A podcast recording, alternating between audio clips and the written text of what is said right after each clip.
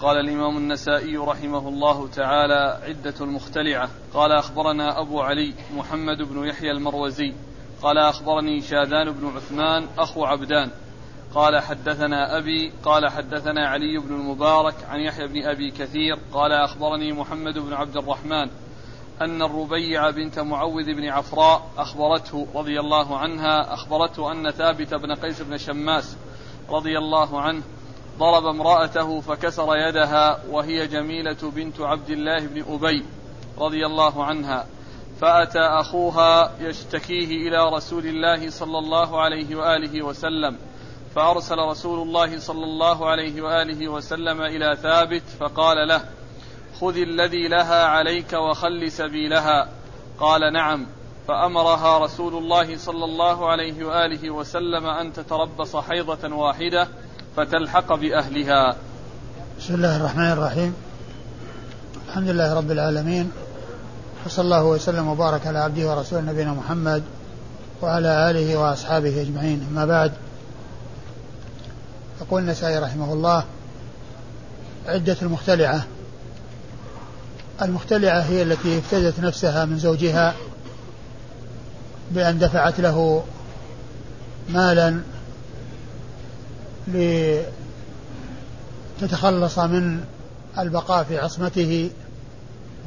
هذه هي المختلعة. والعدة هي المدة التي تمكثها والتي يحل لها بعد ذلك أن تتزوج غيره. والمختلعة عدتها حيضة واحدة. إذا كان إذا كان العهد به العهد به قريب. أما إذا كان قد مضى وقت طويل ومضى حيضات تبين بها براءة رحمها فإنها تكون قد استعدت ولها أن تتزوج لأن رحمها تبين أنه قد سليم أنه أنه سليم وليس فيه شيء. وإذا كان العهد به قريب وإذا كان العهد به قريب فإنها تتربص حيضة واحدة. وليس المقصود من ذلك أو من هذه العدة أنه حق للزوج. فإن الزوج ليس له حق. ولكن المقصود هو معرفة سلامة الرحم وبراءته وأنه سليم. حتى تتمكن من أن تتزوج لأن الزوج بكونه أخذ الفدية لتخل... لتخل... منها لتخليصها نفسها منه فإنه ليس له حق الرجوع عليها فليست رجعية يمكنه أن يرجع إليها ما دامت في العدة ولكن المقصود من العدة هو التربص تلك المدة التي يتبين بها سلامة رحمها وأنها ليس في في بطنها حمل فتتزوج بعد مضي تلك الحيضة فتتزوج بعد مضي تلك الحيضة. أورد النسائي حديث الربيع بنت معوذ بن عفرة رضي الله عنها في قصة ثابت بن قيس بن شماس رضي الله عنه وكونه حصل منه ما حصل مع زوجته وجاء أخوها يشتكي إلى رسول الله صلى الله عليه وسلم فأمره أن يأخذ ما دفعه أو ما دفعه لها أو ما أعطاه إياها وأن يخلي سبيلها وأمرها أن تتربص حيضة واحدة وتلحق بأهلها ويكون الأمر بيدها إذا شاءت أن تتزوج فإنها يمكنها أن تتزوج بعد أن يتحقق براءة رحمها وسلامة رحمها من أن يكون به ولد. فإذا كان هناك ولد فلا بد من الانتظار حتى يوضع الحمل. إذا كان في بطنها ولد فلا بد من الانتظار حتى يوضع الحمل وإن لم يكن في بطنها ولد فإنها تتربص حيضة هذا إذا كان العهد به قريب. أما إذا كان له مدة طويلة لا يتصل بها ولا علاقة له بها فإن الرحم يكون بريئا بذلك يكون بريئا ويمكنها أن تتزوج متى شاءت. كما يدل على ذلك الحديث الذي يلي هذا الحديث.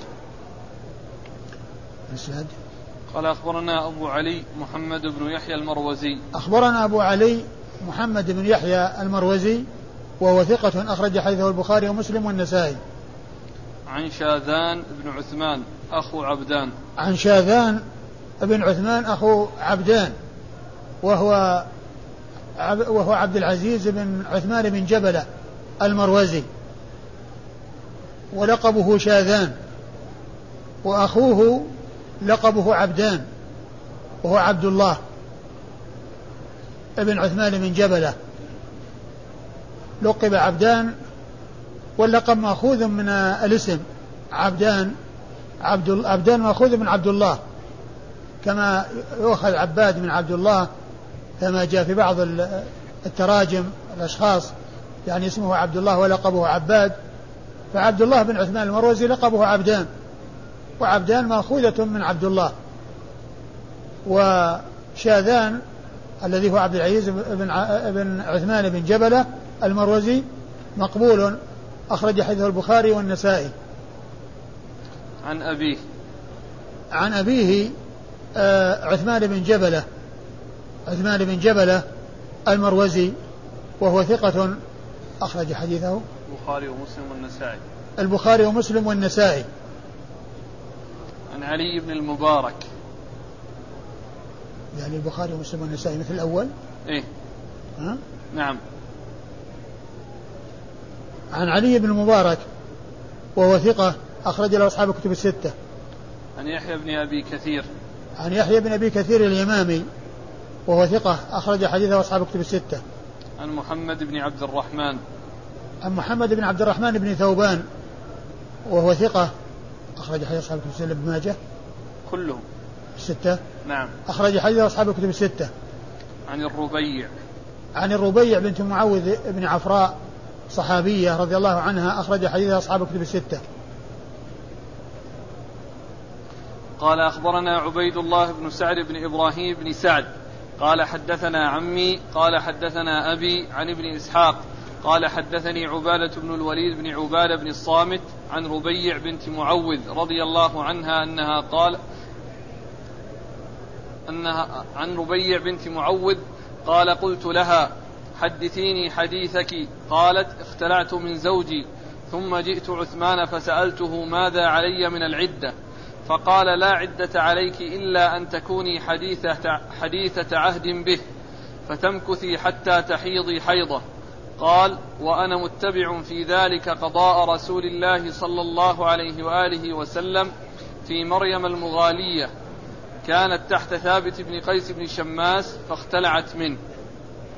ثم ورد النسائي حديث ربيع.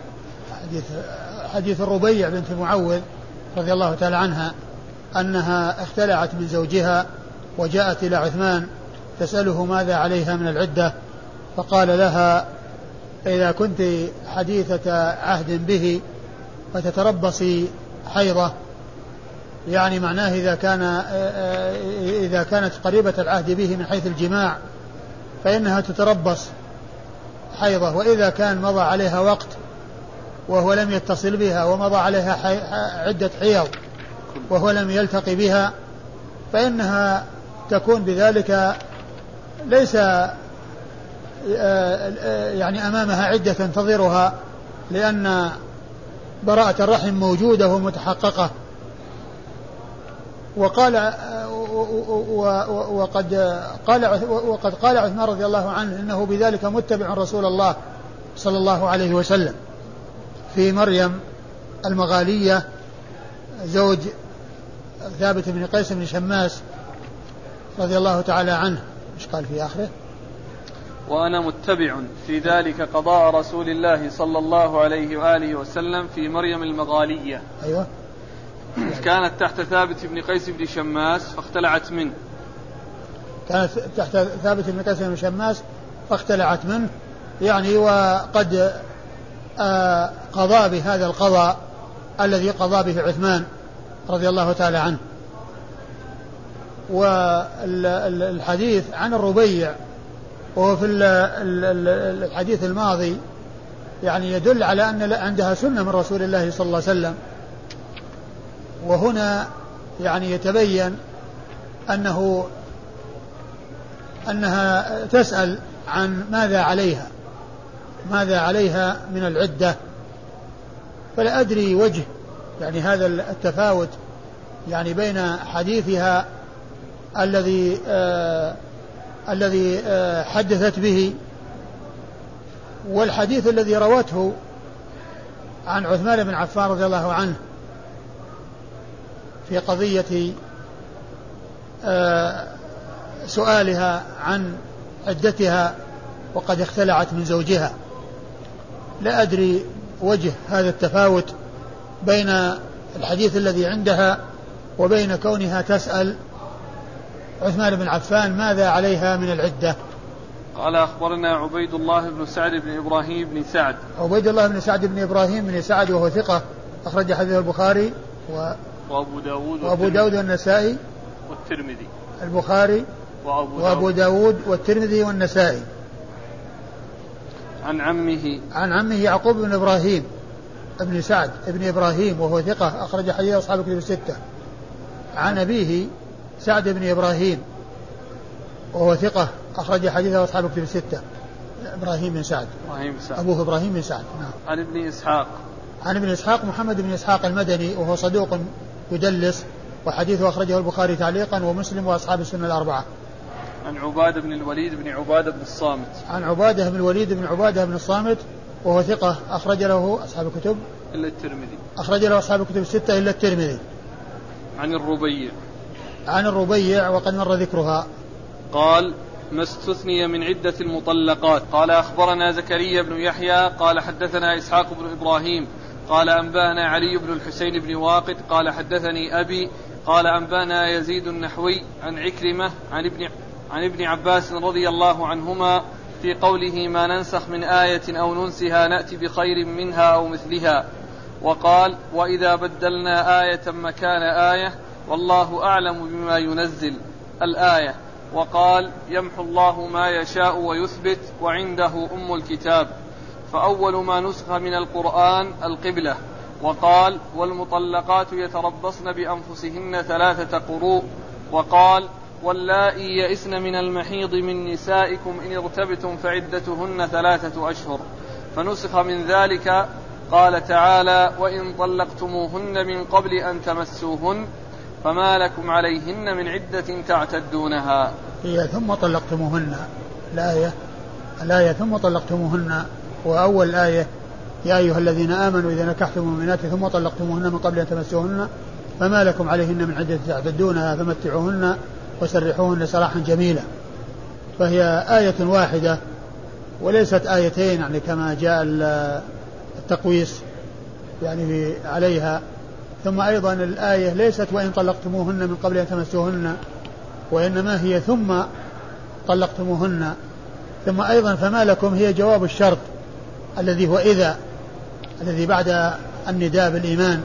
يا أيها الذين آمنوا إذا نكحتم المؤمنات ثم طلقتموهن من قبل تمسوهن فما لكم؟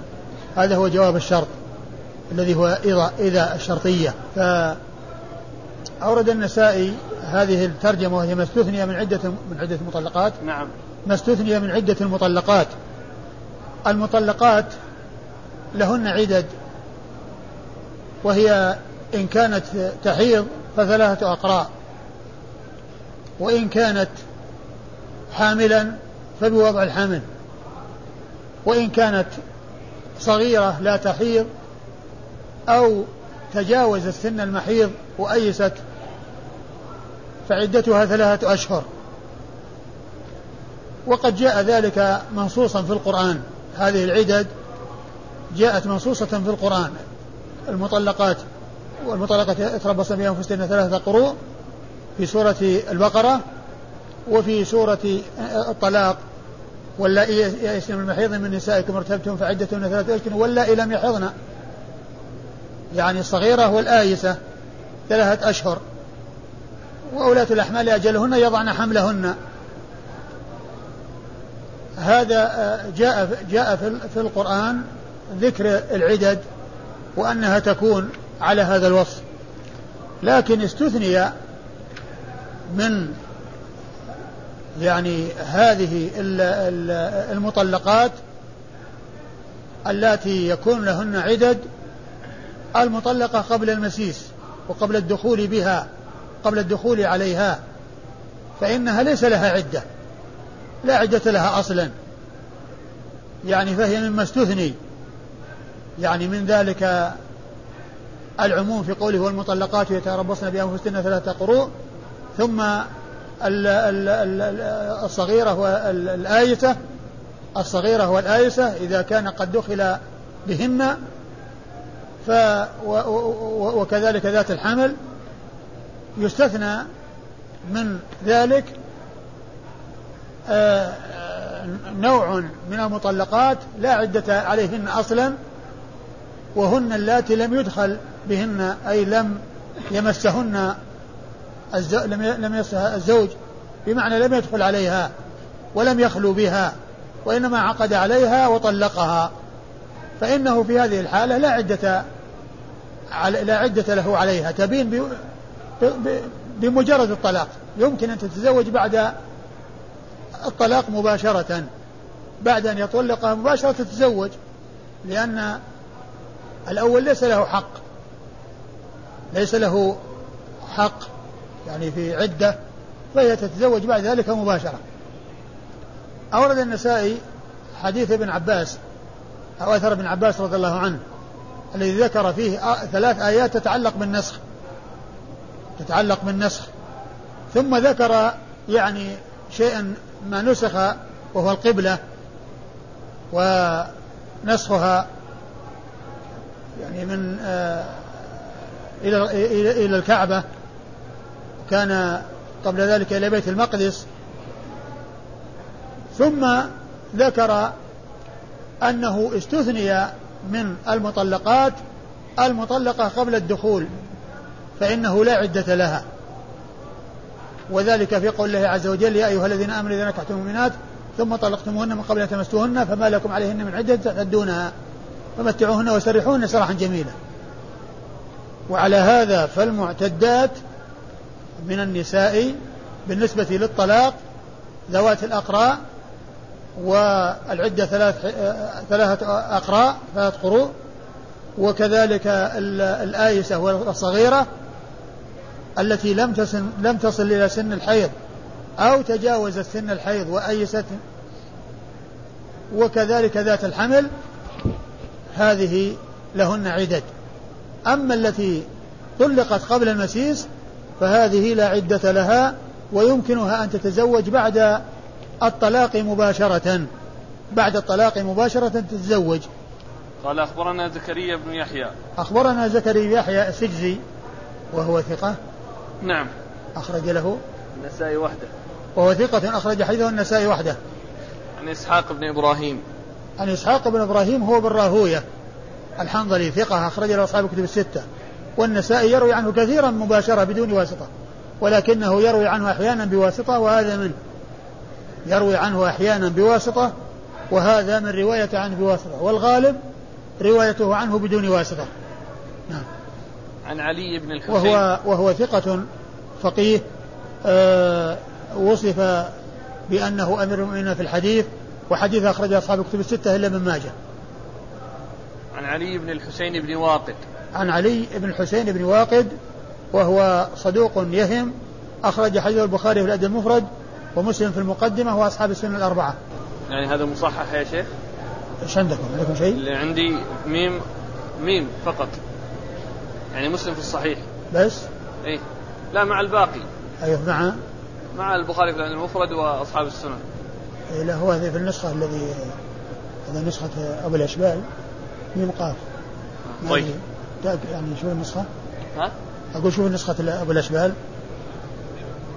ها؟ وإيش؟ مسلم المقدمة؟ زين. إذا كان في تهذيب الكمال ففي المقدمة هذا النص. عن أبيه. آه حسين بن واقد علي بن حسين واقد عن أبيه حسين. نعم. ابن واقد وهو ثقة. ثقة له أوهام. ثقة له أوهام أخرج حديثه. البخاري تعليقا ومسلم وأصحاب السنن. البخاري تعليقا ومسلم وأصحاب السنن الأربعة. عن يزيد النحوي. عن يزيد بن أبي سعيد النحوي وهو ثقة. نعم. أخرج له البخاري في الأدب المفرد وأصحاب السنن. أخرج له البخاري في الأدب المفرد وأصحاب السنن الأربعة. عن عكرمة. عن عكرمة هو ابن عباس وهو ثقة أخرج له أصحاب كتب الستة. عن ابن عباس. عن ابن عباس عبد الله بن عباس بن عبد المطلب ابن عم النبي صلى الله عليه وسلم وأحد العبادلة الأربعة وهم عبد الله بن عباس وعبد الله بن عمر وعبد الله بن الزبير وعبد الله بن عمرو بن العاص وأحد. السبعة المعروفين بكثرة الحديث عن النبي صلى الله عليه وسلم. قال باب عدة المتوفى عنها زوجها. قال أخبرنا هناد بن السري عن وكيع عن شعبة. قال حدثني حميد بن نافع عن زينب بنت أبي ب... عن زينب بنت أم سلمة رضي الله عنها أنها قالت قالت أم حبيبة رضي الله عنها سمعت رسول الله صلى الله عليه وآله وسلم يقول لا يحل لامرأة تؤمن بالله واليوم الآخر تحد على ميت فوق ثلاثة أيام إلا على زوج أربعة أشهر وعشرا.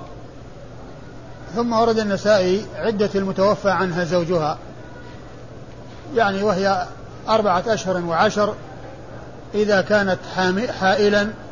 أما إذا كانت حاملا فإنها آه، فإن عدتها وضع الحمل فإن عدتها وضع الحمل.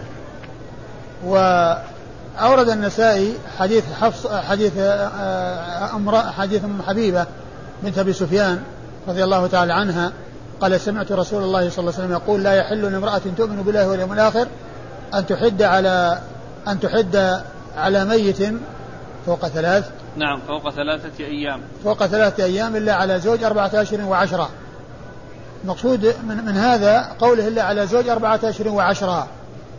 وذكر الإحداد والإحداد يكون مع العدة لأن العدة هي تربص تربص المدة بدون زواج.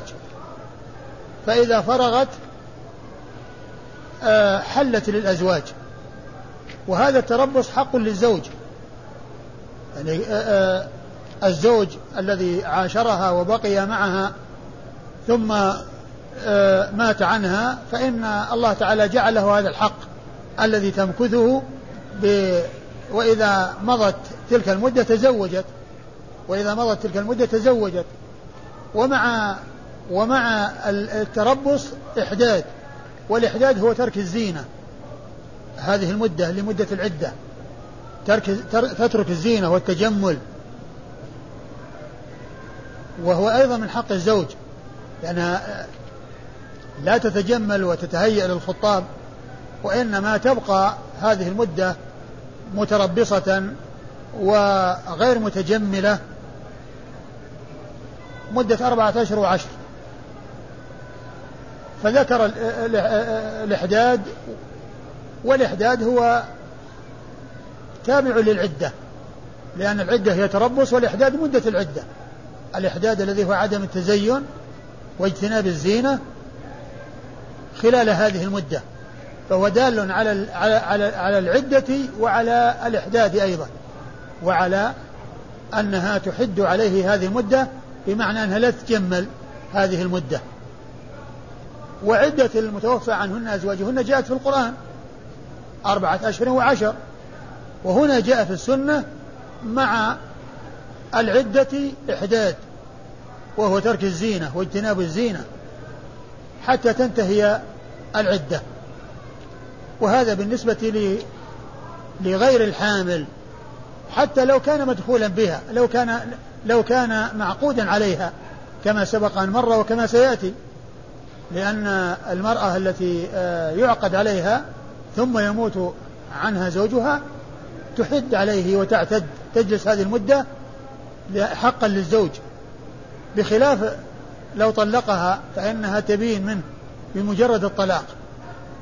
كما كما يعني آه، تبين حقه بالنسبة للوفاة في الحديث الذي سبق أن مر والحديث الذي سيأتي الرجل الذي مات ولم يفرض يدخل بها ولم يفرض لها صداق قال لها صداق مثل مثلها لا وكس ولا شطط وعليها العدة ولها الميراث.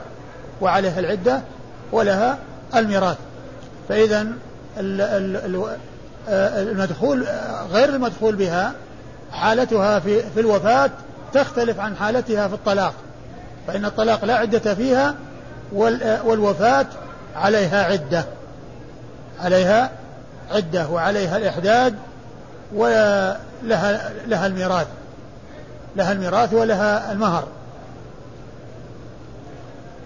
آه، قال لا يحل لامرأة تؤمن بالله واليوم الآخر. جمع بين ذكر الإيمان بالله واليوم الآخر للتنبيه إلى الجزاء على الأعمال وأن الإنسان يتذكر ذلك اليوم فيقدم على الطاعة يرجو الثواب ويحجم عن المعصية يخشى العقاب. وكثيرا ما يأتي في أحاديث الترغيب والترهيب ذكر الإيمان بالله واليوم الآخر. الإيمان بالله لأنه الأصل الذي يتبعه كل شيء والإيمان باليوم الآخر لأنه اليوم الذي يجازى فيه الناس بأعمالهم إن خيرا فخير وإن شرا فشر. يجازى الناس فيه بأعمالهم إن خيرا فخير وإن شرا فشر.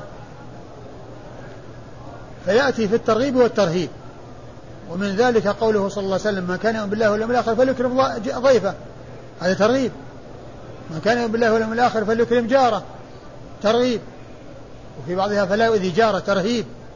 من كان يؤمن بالله واليوم الآخر فليقل خيرا وليصمت. لا يحل لامرأة تؤمن بالله واليوم الآخر أن تحد على ميت فوق ثلاث إلا على زوج. أربعة أشهر وعشرة.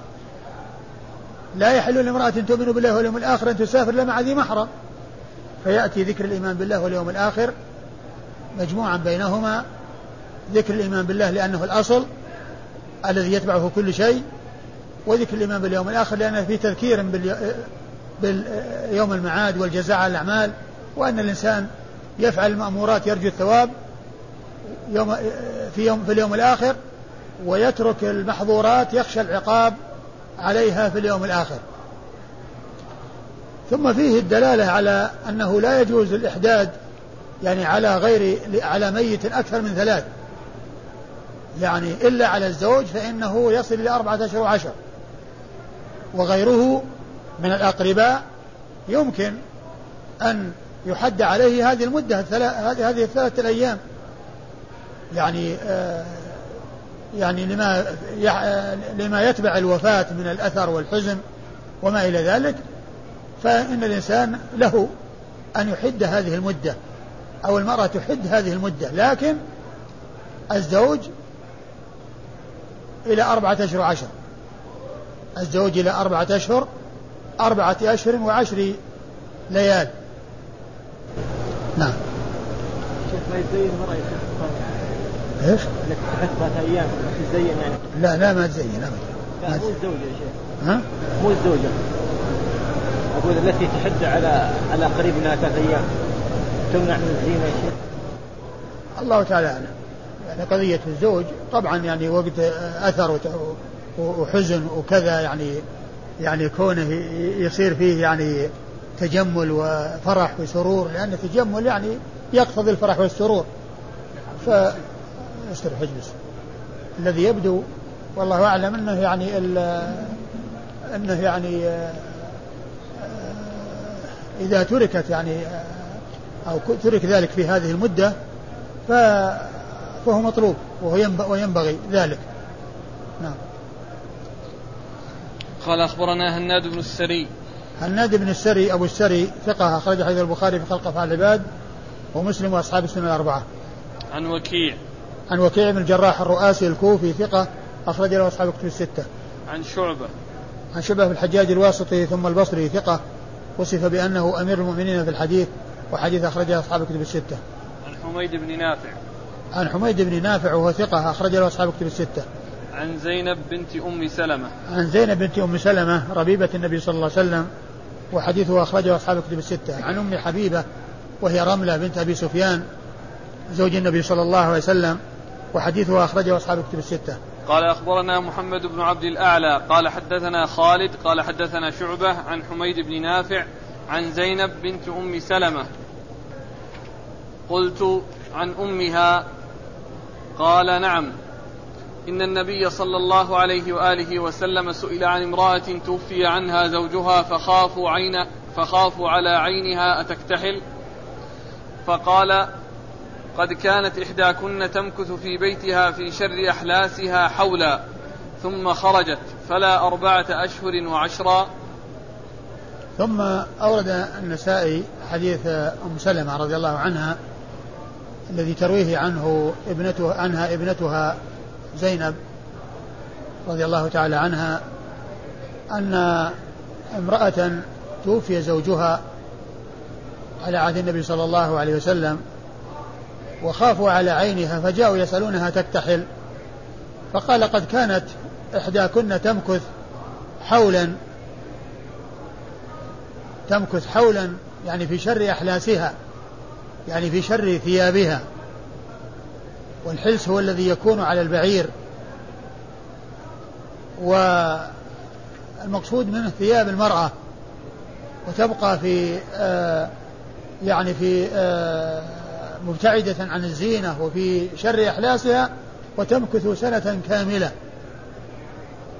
ثم بعد ذلك جاء الإسلام وجعل المدة أربعة أشهر وعشر.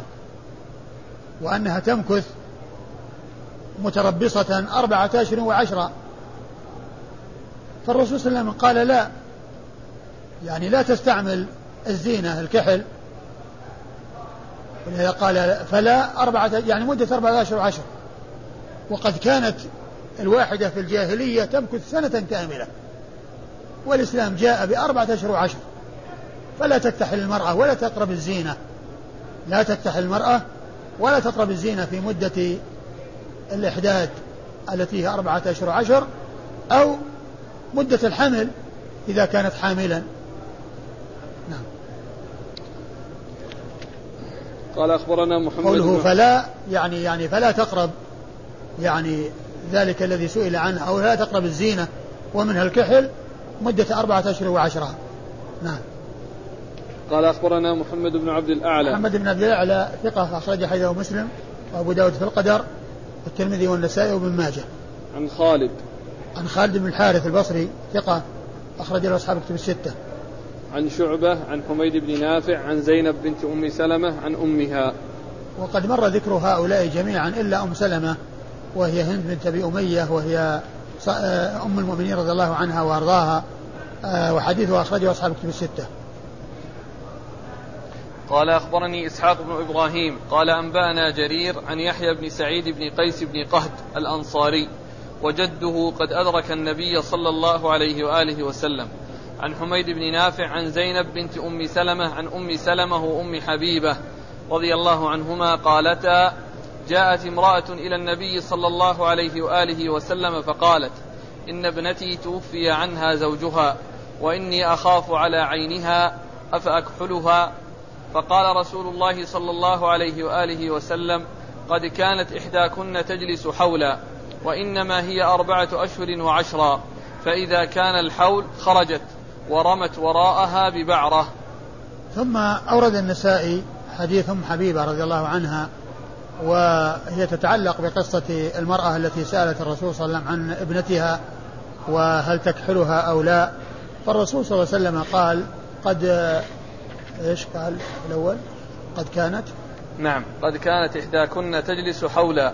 قد كانت إحداكن تجلس حولا وإنما هي أربعة أشهر وأشهر يعني معنى شيء قليل بالنسبة لذلك الكثير. قد كانت إحداكن في الجاهلية تجلس حولا وقد جاء الإسلام وجعلها أربعة أشهر وعشرة يعني فذلك قليل. ثم ذكر أو عاد إلى شيء كان موجودا أيضا في الجاهلية تفعله المرأة في الجاهلية وهي أنها إذا مضى الحول رمت ببعرة يعني إشارة إلى أن يعني هذه المدة التي مكثتها وهي من أجل حق الزوج أنها ليست عندها بشيء يعني إشارة إلى آه، حفظ حق الزوج آه، صيانته والبقاء معه هذه المدة وترمي ببعرة يعني إشارة إلى أن هذه المدة التي تركتها في هذه الحالة التي هي عليها في شر أحلاسها أنها خرجت منها كما يعني يعني كهذه البعرة التي ترمي بها أنها ليست بشيء عندها وأنها لا تساوي شيئا عندها وفي الإسلام جاء جاءت المدة يعني قصيرة أربعة أشهر وعشرة. قال أخبرني إسحاق بن إبراهيم عن جرير. إسحاق بن إبراهيم مر ذكره عن جرير وهو ابن عبد الحميد ثقة أخرج له أصحاب كتب الستة. عن يحيى بن سعيد بن قيس بن قهد الأنصاري. عن يحيى بن سعيد بن قيس بن قهد الأنصاري وهو ثقة أخرج له أصحاب كتب الستة. عن حميد بن نافع عن زينب بنت أم سلمة عن أم سلمة وأم حبيبة. وقد مر ذكر هؤلاء جميعا. قال أخبرنا محمد بن بشار قال حدثنا عبد الوهاب قال سمعت نافعا يقول عن صفية بنت أبي عبيد. فيه سقط يعني جملة يعني سمعت يحيى بن سعيد يعني بعد بعد عبد الوهاب يعني موجود في تحت الأشراف وموجود في السنن الكبرى. ف يعني سقط الراوي وصيغته. عن عبد الوهاب قال سمعت يحيى بن سعيد الأنصاري قال سمعت نافعا. قال سمعت نافعا. قال أخبرنا محمد بن بشار قال حدثنا عبد الوهاب قال سمعت يحيى بن سعيد الأنصاري قال سمعت نافعا يقول عن صفية بنت أبي عبيد أنها سمعت حفصة بنت عمر رضي الله عنهما زوج النبي صلى الله عليه وآله وسلم عن النبي صلى الله عليه وآله وسلم أنه قال لا يحل لامرأة تؤمن بالله واليوم الآخر تحد على على ميت فوق ثلاث إلا على زوج فإنها تحد عليه أربعة أشهر وعشرا. ثم ورد النسائي حديث حفصة وقد آه، أظنه مر قبل ذلك الأول أول حديث هو أول حديث نعم أم حبيبة بس. نعم.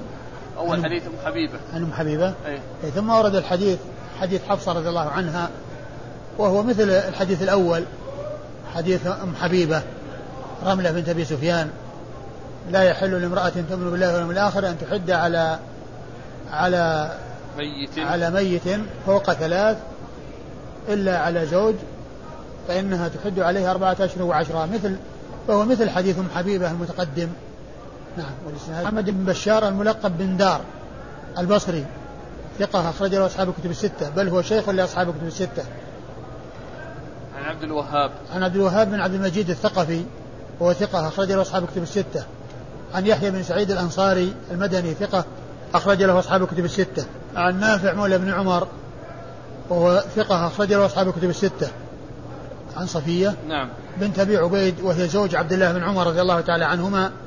وهي ثقة أخرج حديثها البخاري تعليقا ومسلم وأبو داود والنسائي وابن ماجه. البخاري تعليقا ومسلم وأبو داود والنسائي وابن ماجه. عن حفصة. عن حفصة بنت عمر أم المؤمنين رضي الله عنها وأرضاها وحديثها أخرجه أصحاب كتب الستة. بضم التاء. إيش؟ تحد. أي نعم. تحد. أحدت تحد. أيوة. عندك في الحاشية؟ لا لا. بالضبط ضبط يعني طباعة بس. ها؟ أقول مو مضبوط بالحاشية. بس في المتن عدة أماكن محطوط بفتح يمكن التاء. يمكن يمكن أنها يمكن أنها تحد. لأنها يعني كثيرا ما يأتي الحادة. يعني الفاعل حادة. يعني يعني يمكن المحدة. يعني المحدة هي من من حدة وحادة من حدة. حادة اسم فاعل من حدة ومحدة من أحدة كثيرا ما يأتي ذكر الحادة في التراجم. في التراجم اللي ستأتي ما تجتنبه الحادة. قال تحد من الإحداد وهو من المشهور. هذا. من الإحداد يعني معناه من الرباعي وقيل جاء حد من باب نصر. أيوة و و يعني ثلاثي ورباعي. يعني آه، يأتي ثلاثي ويأتي رباعي. يعني أحد أحدت فهي محدة وحدت فهي حادة. يعني والمضارع كيف؟ حد يحد يحد يعني من باب نصر. نصر ينصر. لأن قال باب نصر. إيه. إيه، حد يحد. وهي تحد. نعم. تصير لا, تحد. لا تحد. تحد لأن نصر مرفوع. أقول مرفوع إذا كانت من باب نصر فهو مرفوع. نصر ينصر. وقال من باب نصر؟ وقيل جاء وقيل جاء حد من باب نصر. أيوه هذا حد يحد. وعلى الأول؟ على الأول تحد اللي هي إذا كانت من من الإحداد. يعني على كلا الوجهين ما فيها تحد. تحد أي تصبح. نعم يعني إن- أنها ليست من باب ضرب طيب. يعني على الكلام الذي ذكر هنا إلا إذا كان يجوز في اللغة أيضا أنه يأتي باب ضرب لكن على حسب الكلام الذي يعني ذكر أنه من الإحداد أو من باب نصر فهي إما رباعي وإما إما رباعي وتكون مكسورة الحاء تحد تحد إذا كان رباعي. وإذا كان ثلاثي تحد إذا كان باب نصر. قال أخبرنا عبد الله بن الصباح ابن الصباح. قال حدثنا محمد بن سواء. ولا الصباح؟ الصباح؟ ما أدري. الصباح ولا الضبط, الضبط هنا ما يعتمد عليه. هنا لا إلا في ال- تقريب في التقريب. لأنه الصباح. إي نعم بتشديد الباء. إيه نعم. يعني بال- بالقلم ليس بالحرف. لا لا ما فيه لا بالحروف ما بالحروف. ما فيه بالحروف لا وإنما وضع شدة فقط على الباء. لا هذا ما ما يكفي الشكل ب- الضبط بالشكل ما يكفي لكن الذي أذكر أن عدد يعني من الرواة قال الصب- الصباح وأنا ذكرت يعني اظن نقلا عن الحافظ بن حجر في الفوائد المنتقاه عدد من الأشخاص يعني بهذه النسبة وليس بعضهم قريب لبعض يعني أشخاص يعني يعني غير متقاربين يعني ليسوا أقارب وكلها بهذه الصيغة عدد من الرواة بلفظ الصباح. قال أخبرنا عبد الله بن الصباح قال حدثنا محمد بن سواء قال أنبأنا سعيد عن أيوب عن نافع عن صفية بنت أبي عبيد عن بعض أزواج النبي صلى الله عليه وآله وسلم وعن أم سلمة أن النبي صلى الله عليه وآله وسلم قال لا يحل لامرأة تؤمن بالله واليوم الآخر تحد على ميت أكثر من ثلاثة أيام إلا على زوج فإنها تحد عليه أربعة أشهر وعشرا. ثم ذكر هذا هذا الحديث عن عن أم سلمة وعن بعض أزواج النبي صلى الله عليه وسلم. ويعني معناه أنه عن أم سلمة وعن غيرها من أزواج بعض أزواج النبي صلى الله عليه وسلم. وقد سبق ان مر هذا الحديث عن حفصة وعن أم حبيبة.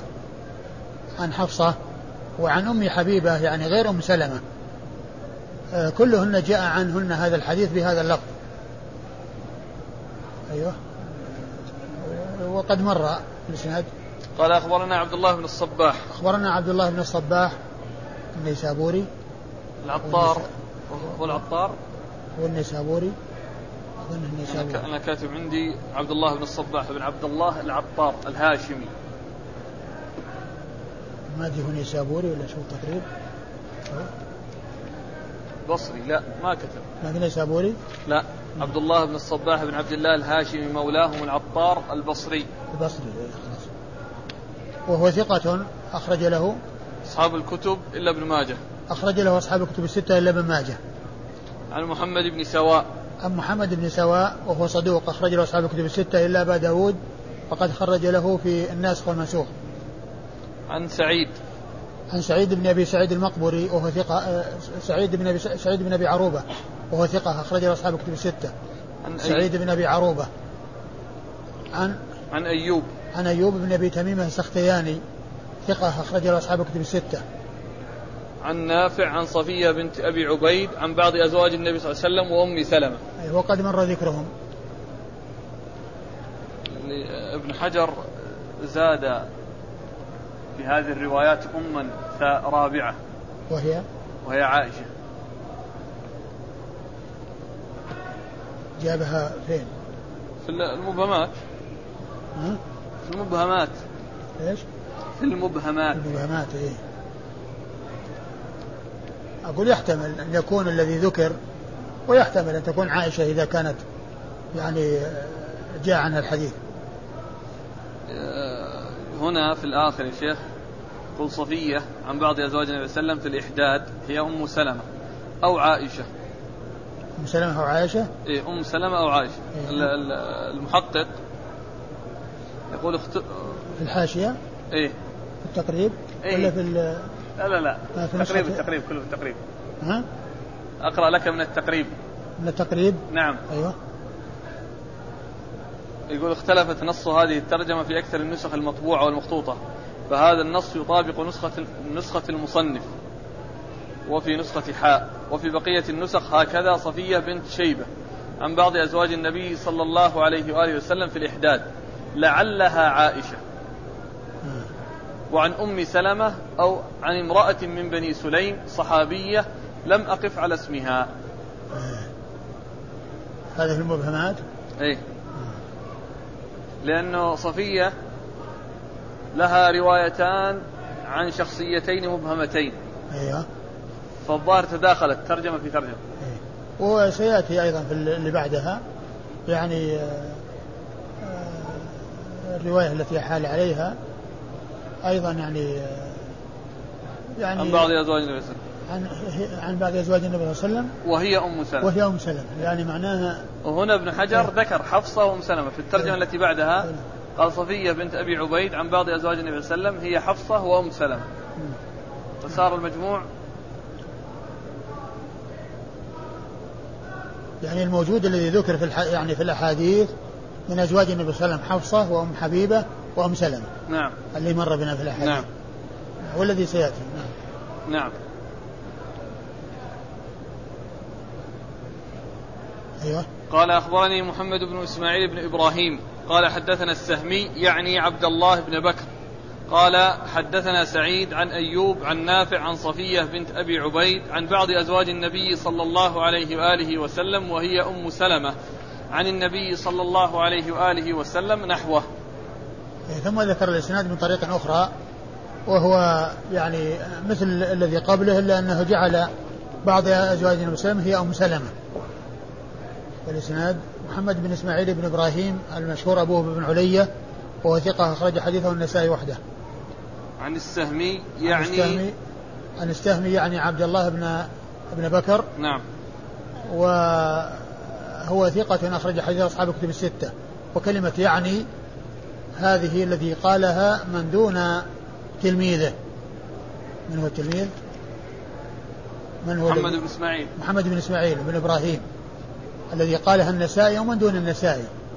كلمة يعني قائلها النسائي أو من دونه. وفاعل يعني ضمير مستتر يرجع إلى محمد بن إسماعيل الذي هو تلميذه. يعني فاعل يعني اللي فعل مضارع ضمير مستتر يرجع إلى محمد بن إسماعيل تلميذ السهمي. نعم. عن سعيد عن أيوب عن نافع عن صفية بنت أبي عبيد عن بعض أزواج وقد مر ذكر هؤلاء جميعا. قال باب عدة الحامل المتوفى عنها زوجها. والله تعالى أعلم وصلى الله وسلم وبارك على عبده ورسوله نبينا محمد وعلى آله وأصحابه أجمعين.